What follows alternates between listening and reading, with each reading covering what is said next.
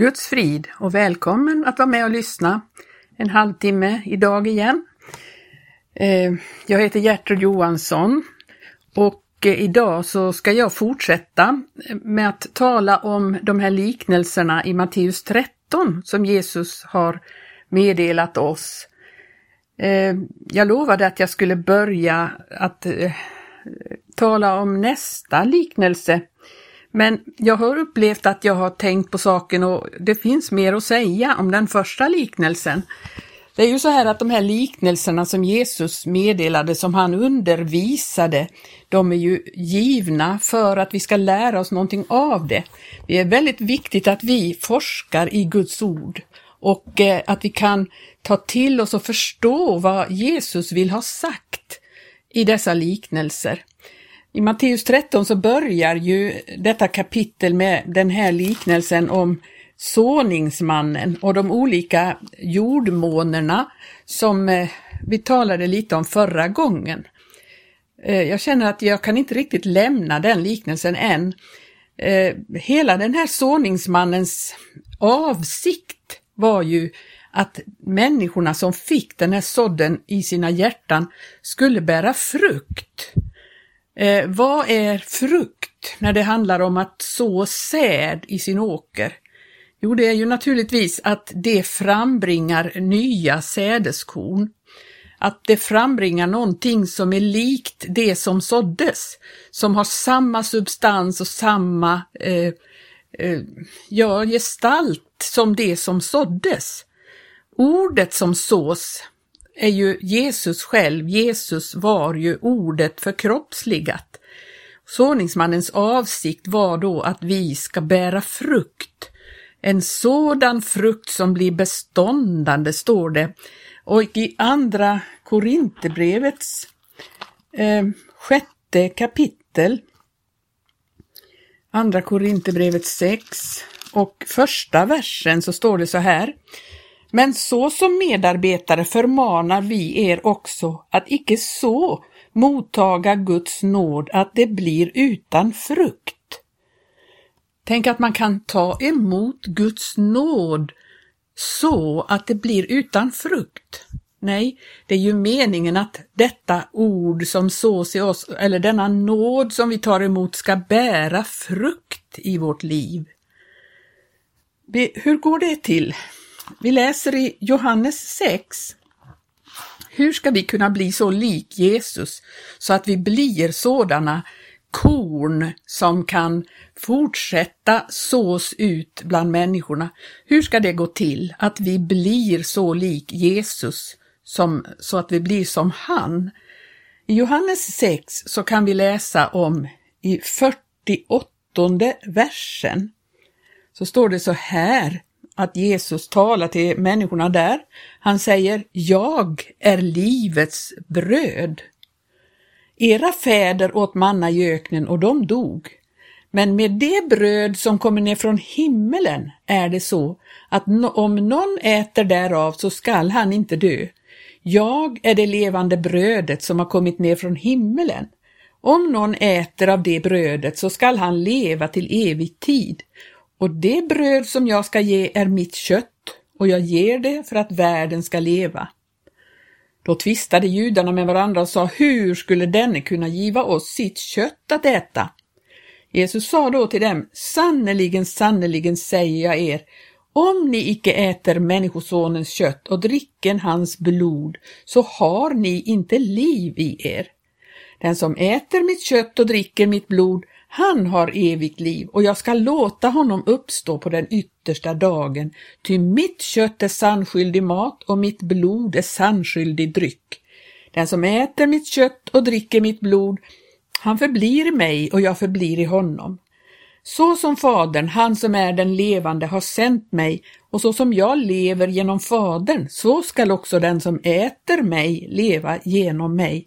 Så är det med det bröd som har kommit ner från himmelen. Det är inte så som de fäderna fick äta, vilka sedan dog. Den som äter detta bröd, han ska leva till evig tid. Detta sade han när han undervisade i synagogan i Kapernaum. Många av hans lärjungar som hörde detta sade då, Detta är ett hårt tal. Vem står ut med att höra på honom? Det här bibelordet kan ju vara väldigt svårt att tyda och förstå och många som tror att det här handlar om brödsbrytelsen. Men det gör det inte alls. Någon brödsbrytelse hade ju ännu inte blivit instiftad och Jesus talar om att äta hans kött och dricka hans blod. Eh, ordet blev kött, står det ju. Ordet blev kött. Det, det, handlar om att ta emot hans ord och låta hans ord vara vår eh, föda för vår andliga människa här i tiden. Det är det viktiga, det är att vi, eh, när man äter ett bröd så är ju brödet den substans som ombildas i vår kropp till att bygga upp vår kropp med. Och äter vi en andlig mat som är, utgår ifrån ordet, då får vi en andlig substans som bygger upp vår andliga människa. Eh, när Jesus instiftar nattvarden så säger han ju inte det här är mitt kött utan han säger det här är min lekamen. Och då talar han om sin kropp som ska brytas ner för människornas skull. Och eh, hans blod, vad betyder det då? Jo, blodet, det står ju att i, livet är i blodet. Och eh, det här är en bild på anden som vi ska ta emot, andens liv. Vi kan titta i första Korinthierbrevet. Så står det, eh, första Korinthierbrevet 10 och fjärde versen så står det där alla drack de samma andliga dryck. De drack nämligen ur en andlig klippa som åtföljde dem och den klippan var Kristus. Och om vi tittar i tolfte kapitlets trettonde vers så står det så här. Ehm, Ty i en och samma ande är vi alla döpta till att utgöra en och samma kropp, vare sig vi är judar eller greker, vare sig vi är trälar eller fria, och alla har vi fått en och samma ande utgjuten över oss. I en annan översättning står det, vi har fått samma ande att dricka. Detta är vad vi ska ta till oss medan vi lever här, medan vi vandrar här, så ska vi ha vår, vår eh, näring i ordet och vår dryck, det ska vi dricka av det som anden ger ut. Det finns så mycket annat som rör sig här i tiden som vi ska akta oss för att ta emot. Och då talade vi ju förra gången om de här olika grunderna i människors liv.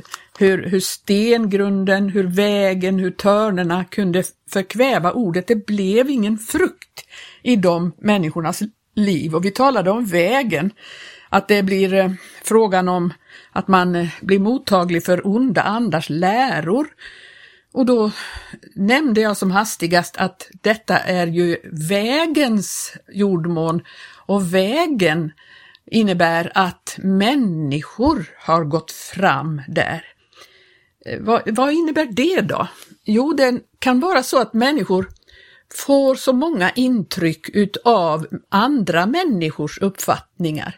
Man, man trampar på med sina uppfattningar så att en människa tar emot det där så blir det någonting hårt i ens liv. Man tror att eh, man fattar vad som sägs men på grund utav andra människors eh, felaktiga intryck så tar man ordet för att vara någonting annat än det är. Det förstår jag att man förstår inte ordet. Varför förstår man inte ordet? Jo, för att man har kanske ett filter ett, eller ett glas som man tittar igenom, vilket färgar orden så de betyder inte längre vad de egentligen betyder. Eh, om ni förstår hur jag menar. En, en, en, till exempel en katolik säger att jag har tagit emot Jesus i mitt liv. Men då menar denne människa eh, många gånger att den har ätit av nattvarden helt enkelt. Då har den tagit emot Jesus. Det är ju inte alls det det handlar om, eh, att ta emot Jesus på det sättet. Det går inte till så, utan det handlar ju om att man öppnar sitt hjärta för honom och hans frälsning. Jag dömer verkligen inte alla, men jag vet att det är en sån uppfattning att orden kan betyda någonting helt annat för någon. Och då kan man säga att det där har gjort att människors hjärtegrund har blivit hård. Man har redan fått en uppfattning om orden, vad de betyder och så har de fått religiösa betydelser som inte är sant. Och då är hjärtegrunden så hård så det tränger inte ner i djupet av människans innersta och bär frukt.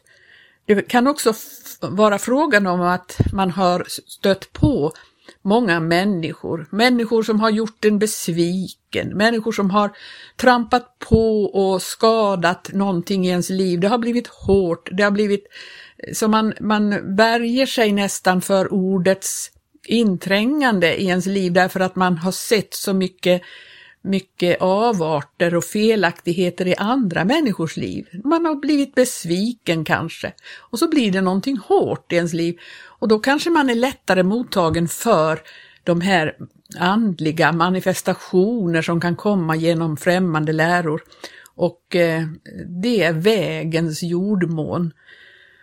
Det talade vi om förra gången men jag vill fortsätta gå lite djupare in på de här sakerna. Stengrunden det är ju det här med vägen, det, det skapar en annan Jesusbild helt enkelt, en annan bild av Jesus. Och stengrunden är också frågan om en annan Jesus, en Jesus som inte eh, har någon som helst inflytande på, utan man får gestalta eh, Eh, vad man vill på något sätt. Eh, Jesus är ju som han är och det är han som ska gestaltas i våra liv och får han ta gestalt i våra liv så kommer det med nödvändighet att bli frågan om en, en förföljelse, en konfrontation med den här världen. För det står ju så här att om någon vill vara eh, Guds vän då blir man ovän till världen. Om någon vill vara världens vän, då kan man inte vara Guds vän.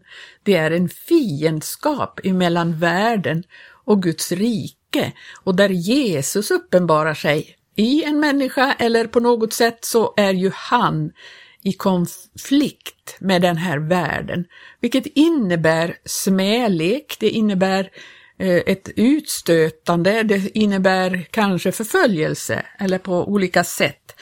Eh, detta är en, en kristendom som framställer en Jesus som är lam, tam, som inte stöter sig med någon. Det blir en, en eh, ljumhet likt Laodicea. Det blir ett liv som inte ger någon frukt för Guds rike. Ordet får inte förändra någonting i den människans liv, utan man försöker istället förändra ordet till att betyda någonting annat så att man kan leva sitt liv som man har lust och att man kan eh, ja, fortsätta med det som Gud avskyr, det som Gud förkastar, men man säger att Gud accepterar det, Gud är kärlek, Gud tar emot alla sådana de är. Man förändrar ingenting och det gör att Guds rike, det blir ingen frukt av det. Det är fruktansvärt. Törnerna, där talade jag sist om rikedomens bedrägliga lockelser som det står om. Det är klart att rikedomen är en väldig fara, för det är ju så att har man rikedom så har man väldigt mycket möda med att ha omsorg om denna rikedom. Det, det skapar ju timliga omsorger. Men sen stå, står det tidens omsorger, det står ju, det är mycket andra slags omsorger också som kan finnas i en människas liv, som kan ta över så pass så att det blir liksom ingen tid över till det som hör Guds rike till. Man kan ha omsorger om relationer till människor som man inte borde odla så mycket eh, gemenskap med. Vi kan liksom inte ha så värst mycket gemenskap med alla människor. Det, det finns ju inget gemensamt med den som inte alls har Guds rike. Och då blir det andra saker, man samlas runt omkring, man samlas om eh, intressen som eh, tar tiden, det, det tar eh, resurserna, det tar liksom krafterna ifrån en. Ifall man samlas omkring olika intressen, hobbysar eller idrott eller vad det nu kan vara man sysslar med som i sig kanske inte ogudaktigt men i och med att det tränger ut Guds rike så blir det för den människan till fall. Och därför så bör man, eh, ska man akta sig för att ägna sig så mycket åt sånt som inte ger någon frukt, sånt som inte är, är eh, någonting som främjar Guds rike. Man kan ha omsorger om, om sin egen kropp, man kan ägna mycket tid åt det, många som gör. Det är väldigt vanligt att man eh, håller på, man övar och tränar och man, man eh, står i för att eh, ägnar omsorg åt kroppen helt enkelt. Det är klart man ska vara rädd om sin kropp och leva sunt. Men om det får ta tiden för mig så inte jag har tid med Guds rike som är det absolut viktigaste, så blir det också en snara. Man kan ha omsorg om sina kläder. Det är ju väldigt, väldigt vanligt att man ägnar allt för mycket omsorg om eh, dem. Och det är klart man ska klä sig anständigt, man ska se till att vara hel och ren och, och, och eh, eh, naturligtvis ska man ägna en viss omsorg åt det, men när det får ta överhanden, då är det inte bra. Man kanske också lägger ner för mycket resurser på det. Det kväver det kväver. Och vad är det för frukt som kommer i, i en sån människas liv som ägnar sig åt de här sakerna? Kläderna, maten och så vidare. Maten, oj vad det kan ta mycket tid och resurser för människorna. Vad ska jag äta? Vad ska jag dricka? Vad ska jag klä mig med? Allt det där är, är saker och omsorger som tar tid och resurser och, och krafter ifrån att söka Guds rike först. Och vad är det då för frukt som stiger upp? Jo, men det är ju inte Gudsrikets frukt, utan det är törnerna, det är tistlarna, det är de som växer i den människans åkerjord och så kväver det Guds rike, det blir ingen frukt i den människans liv. Sen kan man ju fundera på eh, den goda jorden, där faktiskt ordet får eh, ingång och där det faktiskt får lov att börja bära frukt. Det innebär att en människa förändras i sina intressen, människan förändras i sitt strävande. En människa som gör det får plötsligt inte tid med så mycket annat utan hon ägnar sin omsorg om sina trosyskon exempelvis, sina eh, samlingar omkring Guds ord, om bönen, man ägnar omsorg om bönelivet, ens eget böneliv, det tar också tid. Man måste ägna tid åt att tala med Herren och vara med honom. Om offerlivet, man har omsorg om det, se till att det blir pengar eh, och resurser läggs på Guds rike istället för på allt annat.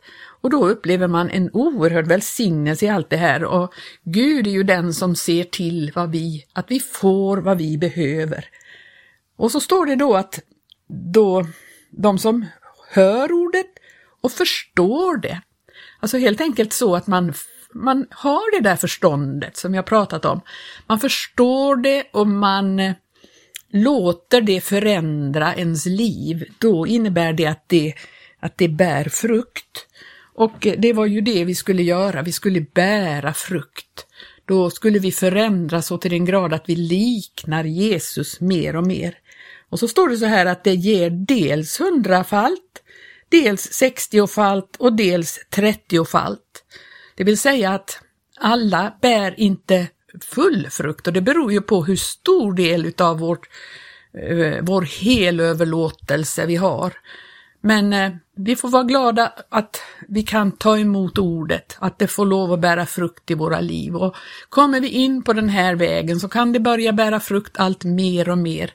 Och jag önskar verkligen att våra liv får förändras så till den grad att vi kan fungera som Jesus säger, som ljus och som salt i den här världen. Det är ljus i världen. Alltså, vi behöver genom våra liv skänka ljus. Alltså, genom att vi lever efter himmelrikets principer så, så skiner det ljuset som vi utstrålar då på allt det falska, det felaktiga, det som inte är rent det visar våra liv på. Och saltet likadant, om vi håller fast vid Guds ord, där hela resten utav eh, mänskligheten går åt ett annat håll och lämnar det som Gud har gett oss besked om i sitt ord, men vi håller fast vid det, då förhindrar ju vi en förruttnelse, en utveckling i världen. Och det är att bära frukt för Guds rike. Det är att bli så förvandlad och förändrad så att man blir en, en gestalt. Vi gestaltar Guds ord. Vi gestaltar det så som Jesus med sitt liv gestaltade Guds ord. Så får du och jag också gestalta det i våra liv. Och nu har vi ändå kommit fram, tycker jag, till att fortsätta med nästa liknelse nästa gång som jag ska tala. En, eh, den, en sån här kort stund så hinner man inte säga så mycket och jag, jag ber om ursäkt att jag lovade att vi skulle tala om nästa liknelse, men det ska vi göra nästa gång och då ska vi se vad det kan betyda om, om den som sådde god säd i sin åker och så kom det en annan ovän och sådde en, ett ogräs i åkern. Vad betyder den liknelsen? Det ska vi gå in på och studera nästa gång. Må Gud välsigna dig och jag hoppas du kan få lite, lite eh, kunskap och förstånd genom det här. Och jag vet att det är mycket schematiskt och, eh, och eh, man skulle kunna gå ännu mycket djupare in på det. Men må Gud välsigna dig till att ta emot det här i alla fall. I Jesu namn. Amen.